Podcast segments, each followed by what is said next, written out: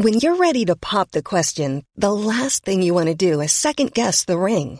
At Bluenile.com, you can design a one of a kind ring with the ease and convenience of shopping online. Choose your diamond and setting. When you find the one, you'll get it delivered right to your door. Go to Bluenile.com and use promo code LISTEN to get $50 off your purchase of $500 or more. That's code LISTEN at Bluenile.com for $50 off your purchase.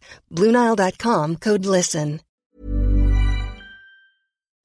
Hej innebandy Sverige! Välkomna till det här avsnittet. Den här gången har vi med oss en av SSLs absolut största karaktärer. En otroligt skön spelare. En megaprofil vill jag faktiskt säga. Otroligt avslappnad. Daniel Sonilsson, IBK Dalen. Han är stjärna i SSL och på TikTok. Nu tänker jag att vi kör det här avsnittet. Välkommen Daniel!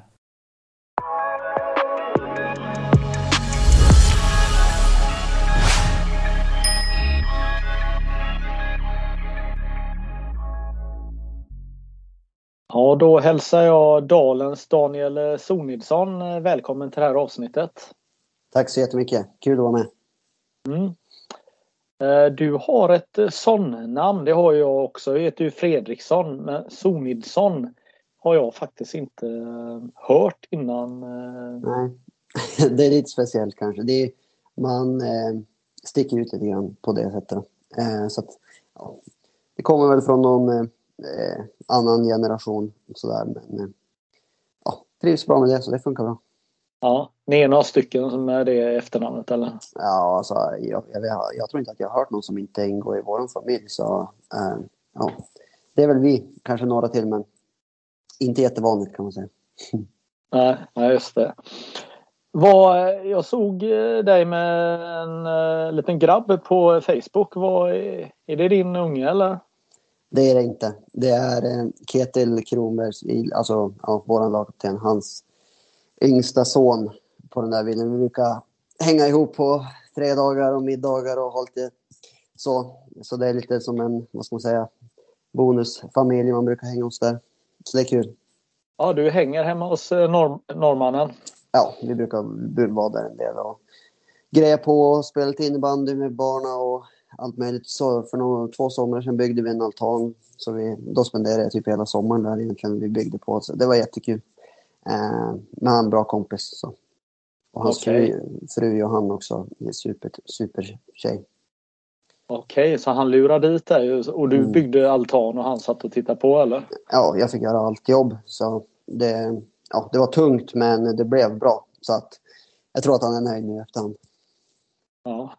Vad, går det att förstå vad han säger då? Nej, alltså man får det mesta av det han säger får man ju ta liksom. Man får ju ta det, ja, chansa lite grann. Men eh, eh, Ketil, han spelar mycket på kroppsspråk. Så att eh, man kan förstå honom på det också. Så man får lägga ihop där för att få, få någon slags bild av vad han menar. Ja. Har han lärt dig att snusa också eller? Ja, lite grann ibland. Eh, men han, han, är, han är på g att sluta. Eh, så att eh, han, han kämpar ju på med det. Eh, så jag önskar lycka till på den delen. Ja, härligt. Eh, vad säger du om OS nu då? Eh, Nils van der Poel. Mm. Äger Alltså- han eller? Ja, men alltså, det är roligt. Jag, eh, Sverige, det, Sverige är ju bra. Jag är li- lite besviken på tjejerna i skidåkning där. Eh, gick väl kanske inte riktigt som, som förväntat. Eh, men eh, stora hela så är jag imponerad över Sveriges prestationer i OS så här långt, tycker jag. Vad tänker du kring eh, Nils här och hans... Eh, eh, han är en ganska härlig person eller vad tycker du? Ja, men jag, jag har inte sett så, jag har inte, alltså jag har inte sett han liksom på det sättet så jag är så insatt i, i liksom hur han är och liksom så, men ja. Så jag har väl inte jättemycket att kommentera om just honom. Nej. Men annars så är det TikTok som eh, du har gjort ett namn. Vad, eh, berätta. Mm, ja, eh, vad ska man säga? Eh, det började ju egentligen under fotbolls-EM eh, där jag ja, egentligen på skämt liksom gjorde, gjorde en video där jag sa om hur jag, jag tyckte att vi spelade mot Spanien då. Eh, och på, på den vägen så blev det. Och sen eh, ja, men gjorde jag en video där på kanske en minut och sen drog jag på träning och sen när jag kom tillbaka så hade den videon spårat ur fullständigt. Så den hade ju ja, en bra bit över 100 000 visningar och ja, massa, massa kommentarer och nya följare och allt möjligt. Och sen så spelade jag som vidare lite grann på det under EM.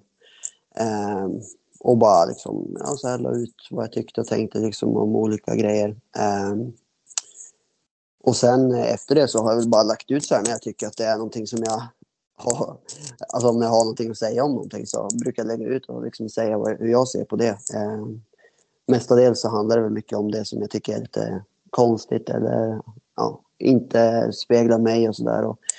Eh, med lite så här humoristisk karaktär och allting som eh, på skämt liksom i stora drag men det är, det är som en eh, ganska rolig jargong på alltihopa. Eh, som har blivit väldigt uppskattad och så jag är glad för det. Ja, ja men det är kul. Eh, jag tänker ju eh, eh, framförallt fotbollsturneringarna för herrlandslaget är ju, det är ju ganska mycket allvar. Det är ju, det är ju ganska viktigt. Ja. ja, men det var ju det som var grejen och det var ju därför man ja, reagerade liksom som man gjorde där när det, när det kändes som att... Alltså jag upplevde det som att man inte riktigt var förberedd för turneringen när det väl drog igång. Och sen ja, spelade väldigt dåligt så där. Det var ju så det började liksom och man kände ju bara men ta det på allvar liksom. Och nu är det EM. Det var ju typ den grejen som jag körde i början. Eh, och sen spann bara vidare på den. Ja.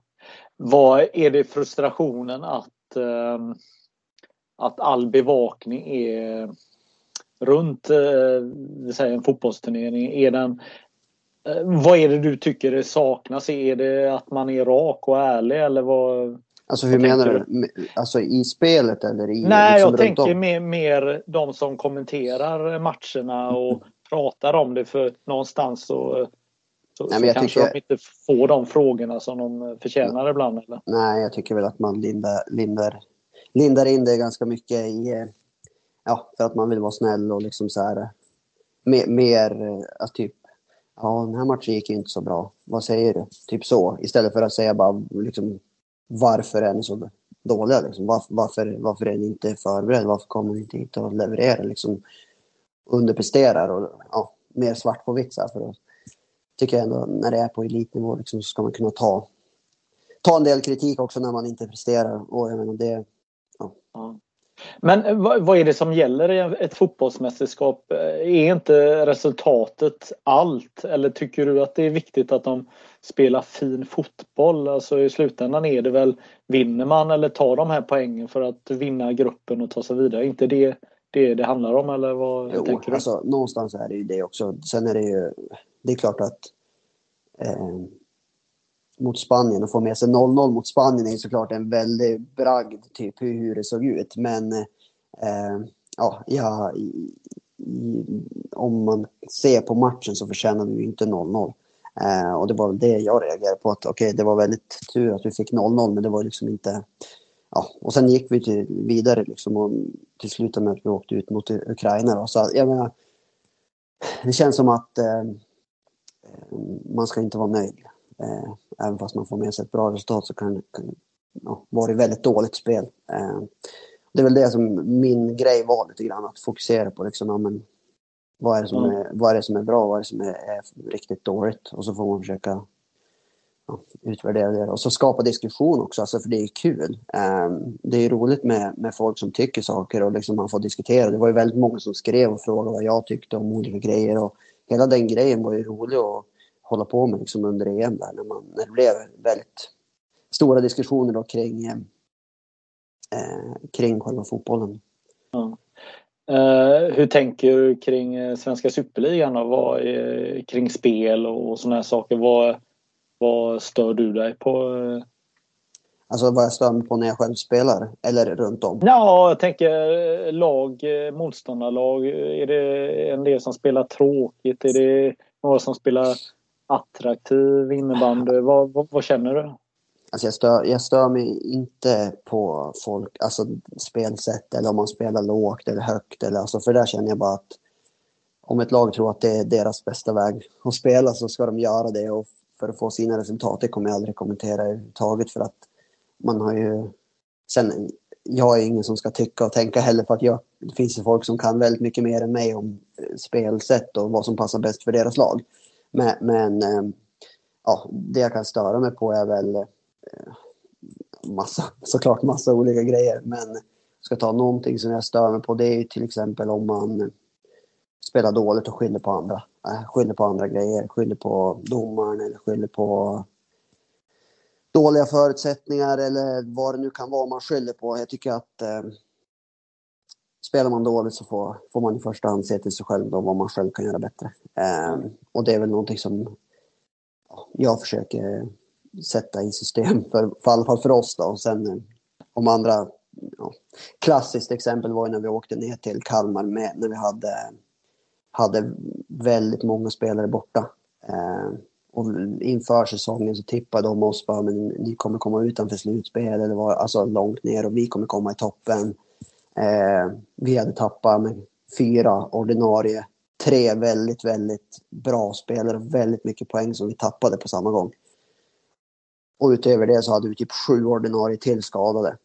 Åker ner till Kalmar borta och det står 4-4 liksom i slutsekunderna och de tycker att det borde ha varit slag på Kim framför mål. Och sen var, vann vi på straffar då när vi gör en Zorro-straff. och de ville ha det i högklubba. Och jag känner bara, fine att jag kan köpa att kanske domsluten i, till viss mån kan, ja men jag kan förstå, jag hade inte eh, tokreagerat ifall de hade fått frislagen utvisning framför mål där i slutet eller ifall de hade blåst bort straffen. Kanske inte hade reagerat på det. Däremot så skriverierna efter matchen, de handlade ju bara om de här domsluten. Det var ingen som sa någonting om att ja, men Kate Dalen åker ner och snor poäng av Kalmar på bortaplan med halva truppen borta. Det var liksom ingen som skrev. Och Det var men, intervjuerna, der, spelare i deras lag bara, ah, det är bedrövligt att domaren inte kan... Men det är ju bedrövligt av dem att inte kunna prestera bättre då om, om de kommer liksom, vi kommer med halva vårt lag borta, kommer ner på bortaplan mot dem som förmodas vara ett topplag. Och vi ska tydligen då vara ett betydligt på nedre halvan enligt vad alla trodde. Då. Ehm, och så dessutom halva laget hemma. Eh, och väldigt många spelare som är nya och liksom precis gör sina första SSL-matcher och så vidare. Och möter liksom, de hade Kevin Haglund borta. Eh, och vi liksom tar poäng av dem och ja, och att liksom göra den diskussionen, att den ska handla om domaren, det fattar jag. Det kommer jag aldrig fatta. Eh, även om jag kanske något fall ja, men, köper väl att det kanske skulle ha dömts på annorlunda. Men det, alltså, ja. Snacket på förhand var ju liksom att ja, men vi skulle komma långt ner och de skulle komma i toppen. Och då känner jag bara okej, okay, men presterar det så dåligt, då tycker jag inte att man ska skylla på domaren. Ehm, så det är väl det, det är sådana grejer. Samma lite grann med Mullsjö också nu när, när man, skyller, man åker upp och torskar med 7-3 och så skyller man på domaren. Um, eller vad säger inte på domaren, på uh, att de hade någon sjuk eller vad det var och ville flytta matchen. Um, samma där, jag känner bara, ja, köp att matchen spelas och så spelar vi. Nu ska jag stänga av sådär.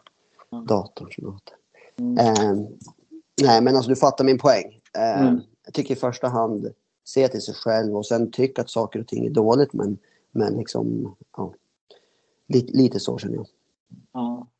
Det är intressant. Ehm, kanske det är ett litet stickspår här men mm. Eh, jag kan också tänka att i många fall eh, så är den här lokaljournalistiken är ju ganska eh, inte charmig men, men, men den, den, är ju lite speciell för att eh, när det inte är den här riksbevakningen av innebandy så blir det ju väldigt färgad på många sätt. Jag minns ja. ju själv när, när, när, jag var aktiv och vi eh, eh, kanske var helt överlägsna motståndare och vann eh, väldigt klart så kunde vi läsa i lokaltidningen Eh, dagen efter att det bara var otur och mm. lite det som du säger, domaren var kass och vi hade motvind och solen i ögonen. Och, eh, att, att det också det, kan också vara en del av det här att, att man ser det väldigt från, från sitt upptagningsområde ja. i allt. Jo, men precis. Och det, det, det blir väl alltså. Jag köper väl att men, det, alltså, lokala tidningen liksom heja på dem. Det är klart att de ska göra det och vill hitta saker att skylla på. Liksom. Men, Men min poäng är liksom att allt handlar om liksom en sån grej. Ett domslut hit eller dit.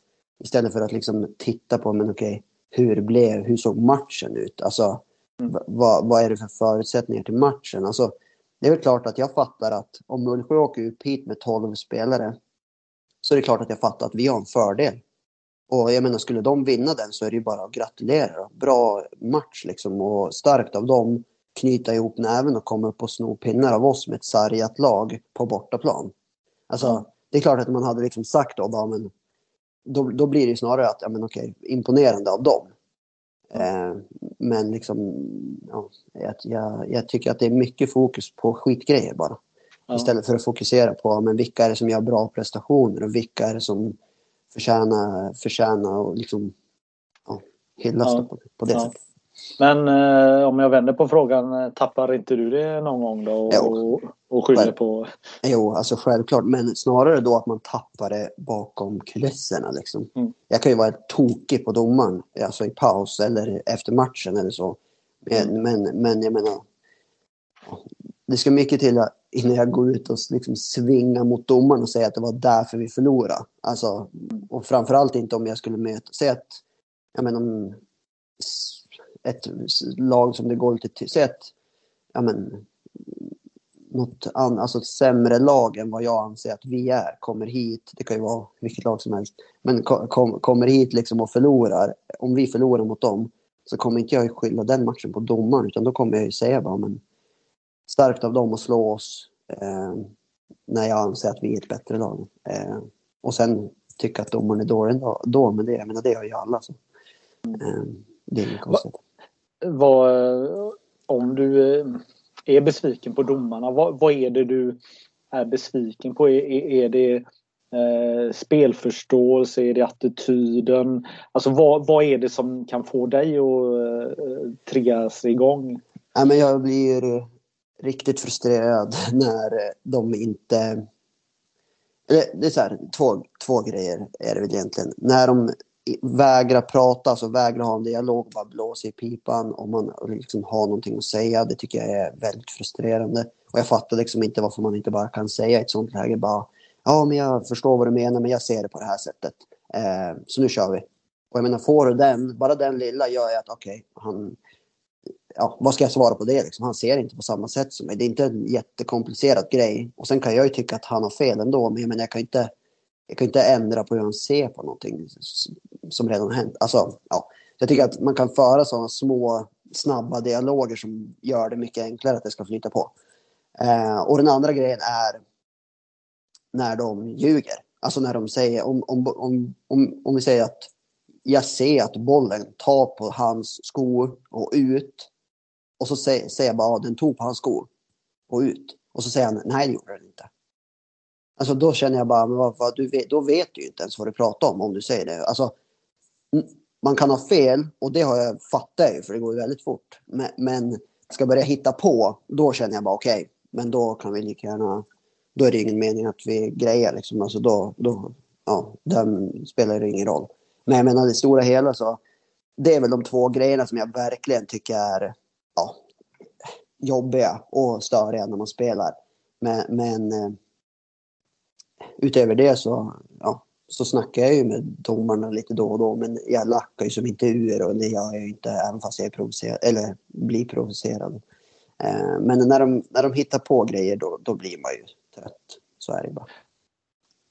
Varför tror du att eh, en del eh, domare sätter sig i den situationen? Jag vet, lätt väg ut, lätt väg att säga bara alltså, Mm, jag vet inte, lätt att skippa diskussioner. Och, alltså det som jag tycker... Jag tycker att domarna måste fatta att vi som spelar lägger ner väldigt, väldigt mycket tid och fokus och förbereder oss och åker långa resor och liksom verkligen är inne i det här. Och vi har som inte riktigt tid med någon himla skit. Alltså, vi, vi förtjänar ju en hel del för att vi alla spelare i den här ligan lägger ner väldigt mycket energi och tid och kraft på att genomföra det här. Och då, alltså då pallar inte jag skjuta på en motståndare och bollen går över sargen och jag ser att det är liksom ja men det ska vara min boll och så säger han nej den tog inte på han. Då, det pallar man ju bara inte. Men sen om man säger bara jag såg inte att den tog på han. Det är okej, okay, fine. Då, då kan jag ju säga bara men då får du fan kolla bättre. Men eh, sen sticker jag ju därifrån, då skiter jag i det. Men eh, stora hela så det är väl de två grejerna. Sen tycker jag att då, jag tycker, alltså jag har inte spelat i ligan så jättelänge, men jag upplever som att domarna har blivit bättre. Och jag tycker alltså, jag har inget problem med någon domare eller att jag tycker liksom att de generellt sett dömer dåligt. Eh, det tycker jag inte. Utan jag tycker att jag upplever att domarna ofta ja, håller en okej okay nivå. Liksom. Men, men ibland så spårar det, spårar det ur tycker jag och då är det framförallt de där sakerna som jag var inne på som jag, som jag reagerar på. Mm. Ja, men jag tycker det är jätteintressant eh, just de här bitarna som du mm. Eh, pratar om. För egentligen så handlar det inte om, om eh, felaktigheter utan det är ett, ett beteende, kanske ett mm. flyktbeteende som, som, som kan irritera många innebandyspelare på alla nivåer på något sätt. För att någonstans så jobbar ni med samma produkt och ni kommer stöta på varandra Eh, i nästa period eller nästa match eller, eller nästa månad. Så att, så att det, det, det är ingen långsiktig lösning att, att, eh, att, att, att, jobba så. Verkligen inte. Och det som du säger, det är väldigt kortsiktigt. Alltså det enda som händer är att man blir bara ännu mer less. Och jag menar, jag tycker att eh, jag tycker att man kan undvika det ganska lätt. Alltså, det är bättre att bara erkänna bara. Jag, alltså, det är, om man jämför, det är som om jag missar mål när jag ska skjuta. Alltså vadå, det är inte alltid att jag sätter den på liksom. Det kan ju vara, alltså, och det vet ju mina tränare bak, han kommer inte sätta alla. Det är ingen fara, alltså ändå. Men, men domarna har någon slags för, typ bild av att de får som, de kan inte ha fel utan att det, ja, det är bättre att de bara erkänner då, bara men det blev dåligt. Och så kör vi på. Mm. Vad tror du är det svåraste för en innebandydomare i SSL? Att, alltså vilka situationer tror du är svårast för dem att bedöma och få med sig lag och, och ledare? Jag vet inte. Alltså, för det första så går det ju såklart väldigt, väldigt fort och det är väldigt många riktigt duktiga spelare och framförallt så är det väldigt många riktigt duktiga försvarare. Jag tycker att en grej som är ganska klurig och som jag fattar är klurig, det är det här med att om vi säger att jag som forward har bollen i sarghörn och så har jag en back i ryggen. Då har backen tillåtelse att spela ganska hårt på mig. Eh, han kan trycka på armbågen och han kan eh, trycka knäna i baksidan och liksom han kan vara ganska nära upp i mig utan att det, alltså det behöver liksom inte bli frislag på den. Och sen ja, allt som oftast så tappar man ju som bollen i en sån situation då kan, kan jag väl tycka. Och det, det behöver inte alltid bli frislag. Men om du jämför det med att jag sätter press på en back och lyckas få han felvänd i eget sarghörn och kliva upp så pass hårt på han så kommer han, ja, i ett sånt läge kommer han typ 10 av 10 gånger få frislag. Eh, och jag får ställa upp igen. Och, alltså, det är väldigt stor skillnad på hur de bedömer situationen när jag sätter press på en back i deras sarghörn när han har bollen och hamnar felvänd mot sargen, vad jag får göra och inte. Kontra om en back sätter press på mig i sitt sarghörn när jag har bollen. Eh, och det där är en svår bedömningsfråga för att tar jag bollen så är det ju ja, jätteläge. Eh, och jag menar, tar en back bollen av en forward i, i deras sarghörn så är det ju inte lika farligt. Eh, så det är en bedömningsfråga och, och, jag fattar väl att det kanske är en eh, ja, att man kanske måste döma lite annorlunda men det, det, är ju olika regler som gäller. Så det kan jag säga ganska direkt. Mm. Och det där är klurigt. Mm. Det krävs ett otroligt mod av en eh, domare att, att våga där. Och... Ja, men att våga liksom släppa, i sådana fall då släppa på mig som forward som pressar den här backen och liksom trycker, trycker på honom och tar man bollen och spelar till en kompis framför mål som gör mål. Det är ju att han ska släppa det kommer han troligtvis få en hel del kritik då, kanske av deras lag. Men, men eh, ja, om du jämför med vad en back får göra på en forward som har bollen i sarghörn så skiljer det sig väldigt, väldigt mycket. Eh, och jag vet inte. Eh, jag kan inte svara på hur jag vill att det ska vara, men jag, kan, jag säger bara att det är jäkligt klurigt och det är svårt som forward när man sätter press varenda byte och veta lite vart gränsen går. Eh, jag tänker att du hamnar i en sån situation mot en eh, landslagsback som mm. exempelvis nyligen har vunnit VM-guld. Mm. Så tänker jag att då är pressen kanske ännu högre på domaren att uh, hitta en uh, ett frislag. För jag tänker väl också att en rutinerad back visar ju det mm. när han märker att nu blir jag lite uppäten här. Så, så förstärker man väl någon form av situation också. Ja men precis. Och sen är många av de här backarna är typ inte vana att få press på sig heller. De, vet, alltså de, de, eh, de flesta lagen spelar inte riktigt så där högt som kanske vi gör då. Eh, och då... Ja, de, är, de är väl inte vana så när det väl kommer någon blir det så här, så här bara, oj, han klev på han sådär tajt liksom. Vi blåser bara och så blir det eh, lugnare ner sig lite grann. Typ lite den feelingen får jag ganska ofta att bara, men, alltså varför blåser den? ens? Det har inte hänt någonting ens. Vi har inte ens hunnit fightas om det än. Eh, och sen vissa matcher tycker jag väl, då har jag inte så mycket att klaga på. Men den generella tendensen i alla fall att du har, du har, du har inte så mycket tillåtelse att hitta på grejer och absolut inte använda klubban liksom och slå och lyckas du träffa pyttelite fel utifrån bollen så är det ju ganska direkt frislag. Och så är det inte om du som forward har bollen i eget sargen. Eller i motståndarnas sargen. Eh, så det skiljer sig ganska mycket där ska jag säga. Eh, du har spelat i BK Dalen sedan 2016 eh, och för ett år sedan ganska exakt så skrev du ett nytt fyraårskontrakt. Mm. Varför gör man det? Nej, men för att stora grejen för mig är väl att jag trivs ganska bra här. Och liksom jag tycker att det är kul att spela i Dalen och jag gillar hur det har, liksom, själva förändringen vi har gjort. Jag gillar att man eh, har lätt för att ta in nya spelare och lära upp dem och få dem att bli bättre. Och man ser, det finns ju hur många exempel som helst på spelare som har tagit enorma kliv. Um, och um, ja, trivs bra i laget, har mycket kompisar här. Um, finns inte så jättemycket att klaga på för min del. Och inte intresserad generellt sett av att spela i, i något annat lag. Och ja, de som inte varit på tapeten ens. Eh, så att jag trivs bra här. Funkar mm. bra. Jag tänker eh, om man ser i de stora fotbollsligorna och så så är det ju vanligt att om man har ett kontrakt då kanske man förnyar det när man mm. har kommit upp ett pinnhål för att öka sin lön ytterligare mm. eller säkra sin framtid. Och här tänker jag lite att det är någon form av samarbete. Du, du visar för Dalen att, att du eh, vill stanna och eh, ger Dalen också arbetsro att, mm. Eh, att att du skriver på ett sånt här avtal. För du blir ju inte miljonär på att skriva ett eh, fyraårskontrakt, eller hur? Nej, så är det Och det är det där som är själva grejen också. Alltså flyttar du innebandy så är det ju...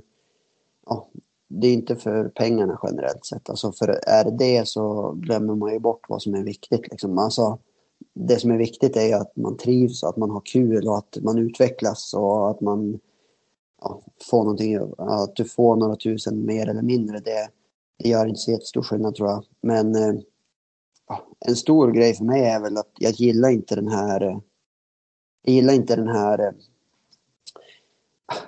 vad ska man säga? Inställningen till att okej, okay, nu går det dåligt så nu byter jag. Alltså nu, nu, nu har, får jag inte spela så mycket som jag vill. Eller nu får jag inte spela powerplay som jag vill. Eller nu... Um, ja, och så byter jag lag.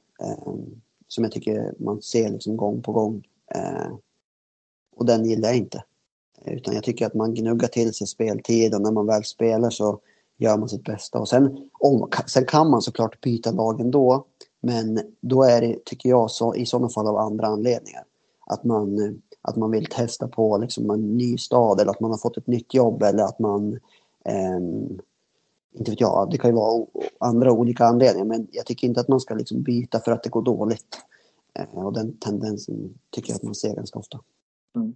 Men det är ju lätt för dig att säga som både spelar boxplay och powerplay. Mm. Ja, alltså, men jag har inte gjort det från början. Utan alltså mitt första år, då spelade inte jag en enda match. Inte ens kund heller. Mitt andra år så spelade jag kanske hälften av matcherna. Mitt tredje år så spelade jag väl de flesta matcherna, men det var inte så att jag hade någon roll. Liksom. Det var i slutet på det året som vi kom igång, jag och Degeryd och Johan Larsson och Per och Ludde som fick stäm då i slutspelet. Men, men jag menar innan det så var det inte så att jag hade någon roll liksom, mer än att jag gnuggade på.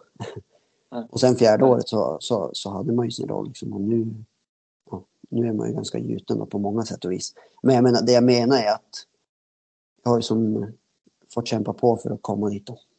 Ja, nej, jag försökte provocera lite. Ja, men uh, jag förstår vad du menar. Och, ja. Men det är viktigt att du förstår vad jag menar. Ja. Jag, jag, menar att man, jag hade ju kunnat bytt.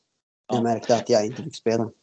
Men om, om vi tar tillbaka de här två första säsongerna då som du, du sitter ett helt år på bänken mm. och, eh, och även det här andra året där du får spela lite. Men vad, vad rörde sig i dina tankar eh, då, eh, den här första säsongen?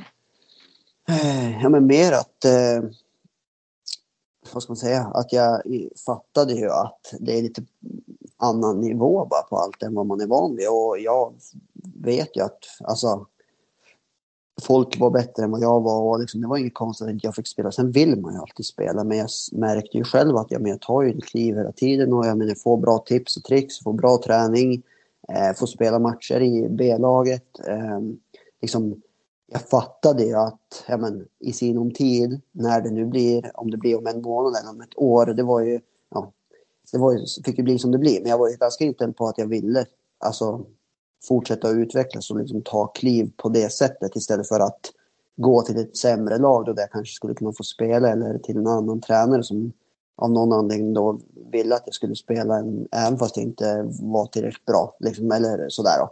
Men i stora hela så tror jag att mycket handlar om att man måste bara gnugga. Man måste bita i och fatta att det krävs. Det är ju liksom, det är ingen...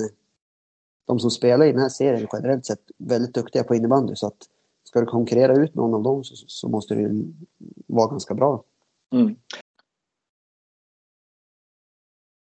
Ja, du hamnar ju i Umeå och eh, på gymnasiet eftersom du gick på RIG. Berätta ja. varför eh, blev det RIG för dig? Ja, du, det är väl, var inte så himla solklart från början. Jag var ju som de många andra som håller på med sport, att man håller på med lite allt möjligt i den där åldern. Då. Ehm, och framförallt så var det ju väldigt mycket golf för min del. Ehm, och det var mycket det. Sen spelade jag fotboll och hockey också. Ehm, men eh, det var golf och så innebandy då som jag var kanske bäst i om man ska säga så. Framförallt skulle jag säga att jag var betydligt bättre i golf än jag var innebandy. Men eh, sen bytte jag, eller sen blev det ju SDF-SM då för 15-åringar och då Eh, fick jag ju liksom eh, inbjudan till att, eller jag hade redan sökt RIG, jag sökte ju massa olika gymnasium då, golf och innebandy, men eh, fick ju som ett, en inbjudan då att komma på uttagningarna till RIG och när jag var uppe där och gjorde det så tyckte jag att det var häftigt, alltså häftigt när man fick liksom förstå hur det funkar och så här så tyckte jag att det var väldigt, ja, att det hade kunnat vara roligt. Eh, och sen när jag väl fick då mitt brev att jag skulle få komma in där och då, då var det väl ganska snabbt ja beslut på det. Eh, då hade vi egentligen inte fått några speciella, alltså det var inte så att eh, jag hade fått någon supergolf gymnasium eller så. Jag hade fått något så här, men det var inget, det var inget som liksom var på den nivån som RIG är och inom innebandy. Plus att golfen är ju betydligt svårare att slå, slå, slå igenom på.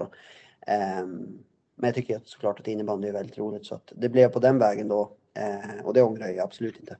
Nej, men det är, det är lite små marginaler som kan avgöra. Verkligen. Alltså det, ja, hade jag fått eh, ett erbjudande som hade varit bra i golfen så är det mycket möjligt att jag hade tagit det istället. Ehm, så att det, hade, jag, hade jag inte kommit in på RIG så hade jag nog inte ja, spelat SL idag troligtvis. Nej. Var, var det då du eh, bestämde dig för att satsa på innebandy eller när känner du att du att eh, innebandy, att, att du satsade jo, men det på var, innebandy? Det var nog i, samband med den flytten som vi gjorde då. Eh, innan så har det mest varit liksom att man har spelat såklart tränat mycket och spelat mycket för att det har varit kul. Eh, men det har man gjort i alla de andra sporterna också så det var inte så speciellt att jag satsade på innebandy innan det. Men när man väl kom in på RIG då blev det ju väldigt mycket mer fokus på på de grejerna och då eh, ja, mm. fick ju de andra eh, sporterna läggas åt sidan lite grann. Mm. Eh, din eh, moderklubb är IBK Strömsund. Ja. Och hur kom det sig att du började med innebandy? Jag vet egentligen inte. Alltså det var väl mer att um, de startade upp lag i min ålder och eh, några kompisar som var, var med och körde och man hakade på liksom och tyckte att det var kul att testa, testa på. Eh, och så passade det ganska bra att spela både innebandy och hockey samtidigt på vintern. Det var som, hockey var måndag, onsdag och så att innebandy var tisdag, torsdag. Eh, så det var ju flera år som det såg ut så, så matcher på helgerna. Så det var som vintrarna Eh, och på sommaren så var det ju golf och fotboll. Eh, det var så det blev, men det var ingen, ingen, alltså, ingen mer än testa på, se hur innebandy är och tyckte väl, tyckte väl från början att det var väldigt roligt. Då. Mm. Eh, och blev kvar, nötte på och sen på den vägen kom in på RIG då till slut. Uh, golf är ju en individuell sport och uh, vad jag förstår så är du uh, du tar ganska stor plats i omklädningsrummet och snackar ganska mycket. Vad, du gillar lagsport och gillar att vara i omklädningsrummet. Vad snackar ja, du om? Jag snackar om allt möjligt. Alltså, jag pratar, pratade om det som händer, det som jag tycker är kul och både eh, alltså, seriöst men också på skämt och mycket ja, mycket så här, kan driva om mig själv väldigt mycket. Eh, försöker liksom ja, bara vara som jag är typ. Eh, ja, min TikTok-jargong är lite mer irriterad och arg liksom så. Men på riktigt så är jag väl mer, försöker vara mer en härlig god gubbe liksom så. Eh, och glad, glad allt som oftast då. Eh, ja. Men eh, det är som du säger, jag tar en del plats och eh, trivs bra med det. Eh, utan att spåra ur liksom. Ja. Vad, vad är det som har fått dig att, att, att våga vara dig själv och våga ta den här platsen och bjuda på dig själv? För jag kan känna många gånger att man är, det finns en oro på något sätt att, att, att, att stå för vem man är och, mm. och att samtidigt också förstå att det kanske inte spelar så stor roll egentligen vad man tycker och tänker utan Nej, men Eh, en grej är väl att jag bryr mig väl inte riktigt så himla mycket om vad andra personer tycker. Alltså, jag, det är klart att jag tycker att det är roligt om folk tycker att jag är en bra kompis och liksom en rolig kille.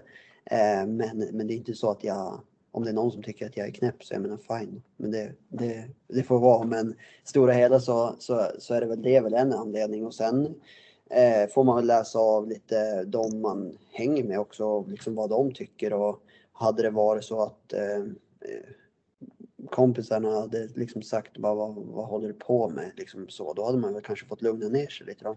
Nu får jag låta som att jag är världens eh, stå i centrum kille, riktigt så är det inte. Men, eh, men eh, jag, ja, jag har ju liksom inget problem att prata öppet och, och vara liksom synas och höras liksom på den nivån än på rimlig nivå så i omklädningsrummet. Ja. Hur många följare har du på TikTok då? Ja, någonstans över 90 000 i alla fall. Där någonstans. Ja, eh. ja. ja det är, vi inom innebandyn blir ju så himla glada när folk sticker ut. Det kan vara Stefansson som räddar någon eh, fågel eller det kan vara någon som gör TikTok-inlägg här. Var, varför tror du det är så? Ja, men det, det, jag märker, jag, det får ju en del upp, det är en del liksom som kommenterar på mina videos och på Instagram och skriver saker om innebandy också. Så jag menar, det får ju, folk liksom vet ju vem jag är. De som har koll på innebandy, ja, förhoppningsvis vad jag tänkte säga, Jag har väl sett mig spela i sådana fall. Man brukar ändå lyckas göra något mål här och där nu för tiden. Ehm, så, så många vet liksom att det är jag liksom och de hör av sig och snackar innebandy och jag försöker ju svara på, på ja, men, så mycket jag kan av de som hör av sig. Mm. Så att det är bara roligt. Ehm, och det har ju som en, en koppling för jag menar det är det man håller på med. Så det är mm. kul. Vad Har du hetsat mot eh, någon annan innebandyspelare i ligan? Alltså, jag är... Jag, jag, eller är det någon du skulle vilja som hade varit lite kul? Och... Ja, nej men det är, det är roligt med de som är taggade liksom, och jag har inget problem med att folk hetsar överhuvudtaget. Utan det, det, det ser jag snarare som liksom roligt. Eh, sen är det vissa som, alltså vissa tar ju ganska långt och liksom man säger dumma grejer och allt. Så det är mycket sånt liksom såklart.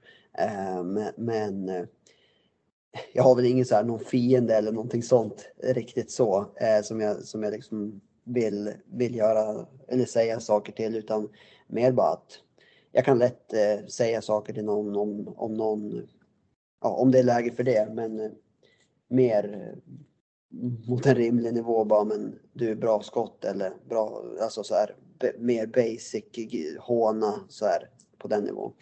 Eh, men, men jag är inte någon, eller ja, det får du fråga de som spelar i andra lag, men jag tror inte att jag är så jättedryg liksom i så här stora hela. Nej. Vad, jag tänkte mm, säsongen eh, 18-19 här så fick du väl egentligen ditt genombrott i SSL får man säga. Och framförallt i slutspelet där. Du gjorde ju 16 poäng på, eh, i det här slutspelet. Eh, vad minns du från, från det? Ja, mest bara att eh, vi hade en, vi spelade en formation som hade väldigt bra stäm. Eh, spelade med Sebastian Degeryd och Johan Larsson och så hade vi Ludde, Ludde Svensson och Per Forsman på backen då. Eh, och hade väldigt bra stäm. Eh, förstod varandra bra och liksom jag och Degeryd gjorde mycket mål. Eh, Johan var som någon nav i den där femman åt båda håll och Per och Ludde jobbade väldigt hårt. Så det klickade väldigt bra där och alla var som i bra form samtidigt. Och, ja, inte minst jag då, som, som hade väldigt bra produktion i offensiven. Mm. Ja, ni föll mot, var det Storvreta där i semifinalen? Ja, ja. exakt. Ja. Det är ju tufft i, i svensk innebandy i slutspelen här. Vi har ju Falun och Storvreta som har varit eh, maktfaktorer länge här och, och, och tagit sig till många finaler och faktiskt vunnit de eh, sista gulden. Ja, det är ju över tio år i rad här som någon av de här har vunnit. Vad, hur känns det att gå in varje säsong med de här giganterna som, som finns? Eller känner du att det är mer öppet nu eh, eh, en säsong som denna? Ja, alltså jag tycker ju att eh, Alltså, jag tycker att det är roligt att möta de där lagen för att det är så kul att vinna mot dem. Alltså jag har ändå fått vara med, vi har vunnit mot dem en hel del gånger även om vi har förlorat en hel del gånger också. Men, men det är inte så att vi åker på dyngstryk varenda gång så heller utan, utan eh, mer att det är roligt att möta dem och att det, det är häftigt och imponerande att de har kunnat upprätthålla en så pass hög nivå över tid. Eh, och för det, det, är inte lätt för folk flyttar, folk skadar sig och folk eh, eh, slutar och det är allt möjligt som händer. Men på något Vänster så har ju de lyckats ja, men, hålla en, eh, ha ett lag som håller en så pass hög nivå så de kan vara med och konkurrera om guld varje år. Och det har väl varit Storvreta och Falun då som har lyckats vara ett, mm, en eller två nivåer högre än de andra. Eh, så ja, all cred till dem för det jobbet som de har lyckats få till och eh, imponerande av de spelarna som har varit man, man, man har ju respekt för dem som har varit med liksom hela vägen och ja, men, Enström Galante och grabbarna där och spelar i Falun typ hela karriären och leverera över tid och samma i Storvreta med de spelarna. Så att, jag menar det är ju coola gubbar och jag menar det är häftigt. Så mm. det är väl det enda men jag menar vad ska man säga, på eget håll eller man, hur man går in i säsongen och sådär. Det är ju mer att försöka få ihop det så bra som möjligt så att man kan vara med och ge det chansen att kunna vinna mot dem. Eh, och där tycker jag ju alltså, jag tycker ju att Dalen någonstans har gjort och gör ja, bra matcher mot sådana lag och jag tror inte att något av de lagen tycker att det är speciellt kul att möta Dalen. Man vet att rätt vad det är förlorar vi liksom. Och ja, vi vann mot Storvreta i serien, vi torskade i sadden mot dem borta. Jag menar, det är ju plus, plusstats till oss i år och kollar man på pappret så tycker säkert de att de har mycket bättre lag än oss. Det handlar ju liksom om lite mer än vad du har för lag pappret, alltså på pappret. Ja, men i slutspelet har du ett väldigt mycket bättre lag så har du stor chans att du kommer gå vinnande över sju matcher ändå. Eh, men ja, det är väl det är lite kul att slå från underläge också. Eh, och det är väl det man får försöka tänka tror jag, än att försöka liksom vara besviken på att man kanske inte har lika namnstarkt lag eh, än vad de har, för det är såklart väldigt svårt. Eh, att värva ihop sådana spelare. Mm. Eh, så att, ja, sto, stora hela så egentligen när den väl trenden bryts så, så kommer det ju bli snarare att man kommer bli väldigt mycket mer gladare om man skulle vara del av något av de lagen som får, får göra det. Eh, men det är inte så att jag skulle bli mindre, eller om vi säger att, vilket lag, säger att Helsingborg vinner guld i år. Det är inte så att jag liksom kommer tycka att det är bättre än om Storvreta vinner guld eller Falun. Alltså, det bryr jag mig inte om en, en, en sekund utan mer bara att vi försöker skapa ihop ett lag och sammansvetsa en grupp som kan vara med och konkurrera om att vinna. Det är så, det är så liksom vi tänker. Eh, och det tror jag många andra lag också, också tänker, liksom, som är i samma, lite samma situation som vi är. Det är ett gäng lag liksom, som har varit med ganska länge och gått, gått till slutspel generellt sett varje år. Kommer med starka lag eh, och ger chansen att vinna. Men, ja, men vi och Mullsjö och alltså det finns ju ett gäng. Eh, men det är det jag menar, det är imponerande av både Storvreta och Falun att man år efter år står där i slutet som vinnare och allt som oftast spelar finaler mot varandra också. Mm. Hur, hur, hur, tänker du eh, eh, kring det här att eh, vi säger att du åker skidor i två dagar och inte är inne och kollar på, på nätet så kan ju tabellen se helt annorlunda ut. Alltså, mm. det, det, det pendlar ju väldigt mycket och, och ser den igen. Ger det mer inspiration eller känner man på något sätt att, att det är mer öppet eller är det så att de här etablerade lagen ändå är på samma ruta när slutspelet börjar eller hur, hur, hur tänker, tänker du? Alltså det, det, enda jag upplever nu är väl att man, tar, man har väldigt stor respekt för varje match för att man vet att ja, men det spelar stor roll hur det går. Eh, torskar man två matcher i rad då kan man ja, helt plötsligt tappa liksom 6-7 placeringar i serien bara, bara på det. Eh, så att man har ju som egentligen inte tid att hålla på och förlora matcher nu. Eh, och därför gör det ju att man eh, tar det lite mer seriöst och förbereder sig lite extra och ser till att man ja, men, ger varje match förutsättningar för att kunna vara så bra som möjligt. Då. Eh, så det är väl den stora grejen som, upptäck alltså som jag själv upplever. Och utöver det så är det väl att det är kul att det är jämnt. Eh, att det inte är något lag som är helt omöjliga att slå och att man liksom kan förlora mot de flesta lagen och man... Eh, ja, det krävs att man ligger på en relativt hög nivå för att kunna ta poäng. Mm. Eh, och det tycker jag är kul. Eh, så att det... Ja, det ska bli väldigt spännande nu också de här sista omgångarna och se hur det spelar ut sig här. Om det är något lag som drar iväg eller om det...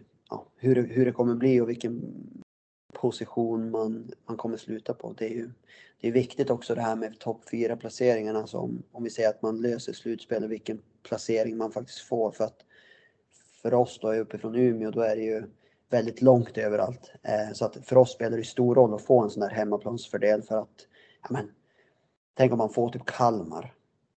Alltså få en, att de behöver ta sig upp hit en gång till, det spelar ganska stor roll eh, i en sån serie då. Eh, när det är typ, jag vet inte hur långt det är, 120 mil eller vad det är. Eh, så att, eh, ja, det spelar också väldigt stor roll och det ska man ha respekt för också om, om man vill gå segrande ur, ur, ur en slutspelsserie. Så mm. Det handlar om att kriga för varje poäng verkligen. Ja.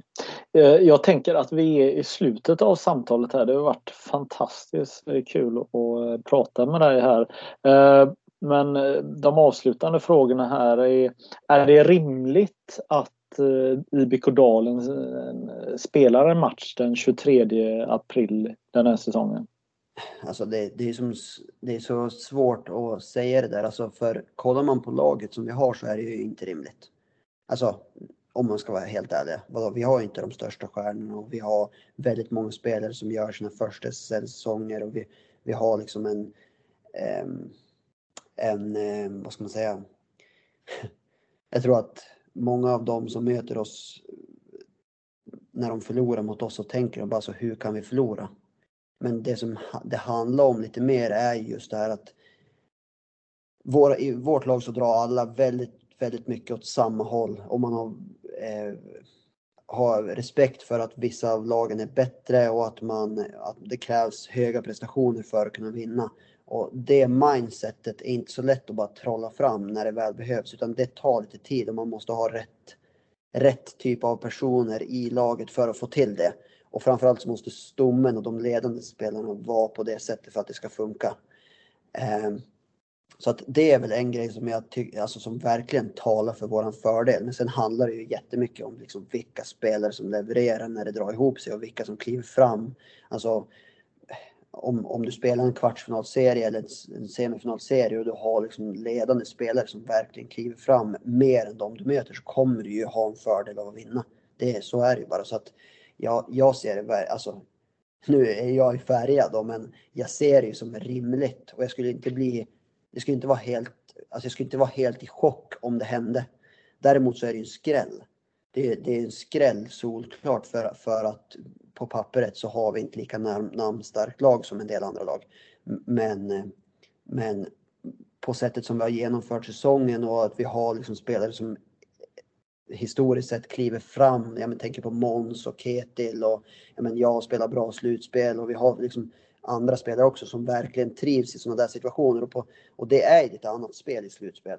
Så att jag skulle absolut inte bli chockad om det hände även om, om, eh, om det skulle vara liksom en, en skräll. Mm. Eh. Vad jag tänker eh, så här att när de som lyssnar och ser på det här jag vet inte när de gör det men nu när vi spelar in så har du match eh, dagen efter här och hur, hur, hur laddar du inför en, en, en seriematch eh, kvällen innan och, och inför match? Vad, vad, vad, gör du? Alltså jag skulle säga att det skiljer väl, alltså jag är ingen sån här riktig rutin. Du vet vissa är helt, de är helt spårade med rutiner och de har mm, tvångstankar på vissa grejer som de måste göra och så vidare. Men jag är ingen sån, sån person utan jag är lite mer så här flexibel. Jag försöker komma i säng i tid så jag får sova en hel del. Vi ska åka buss till Falun, vi åker tidigt imorgon på morgonen.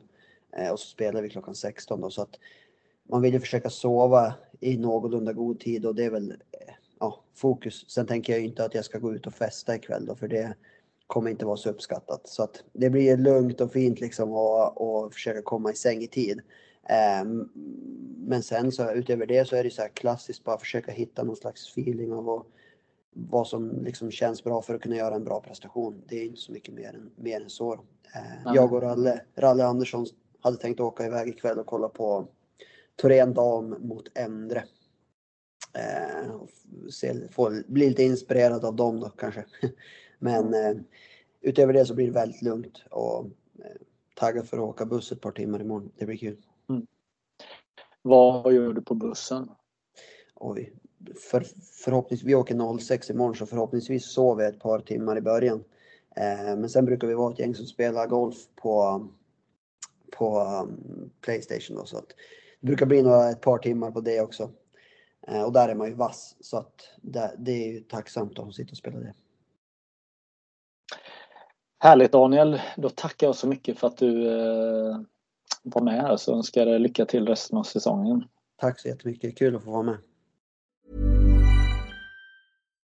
When you make decisions for your company, you look for the no-brainers. And if you have a lot of mailing to do, stamps.com is the ultimate no-brainer. It streamlines your processes to make your business more efficient, which makes you less busy. Mail checks, invoices, legal documents, and everything you need to keep your business running with stamps.com. Seamlessly connect with every major marketplace and shopping cart. Schedule package pickups and see your cheapest and fastest shipping options from different carriers. With rates up to 89% off USPS and UPS rates. And with the Stamps.com mobile app, you can take care of mailing and shipping wherever you are. Make the same no-brainer decision as over 1 million other businesses with Stamps.com. Sign up with Code PROGRAM for a four-week trial plus free postage and a free digital scale. No long term commitments or contracts. That's stamps.com. Code program.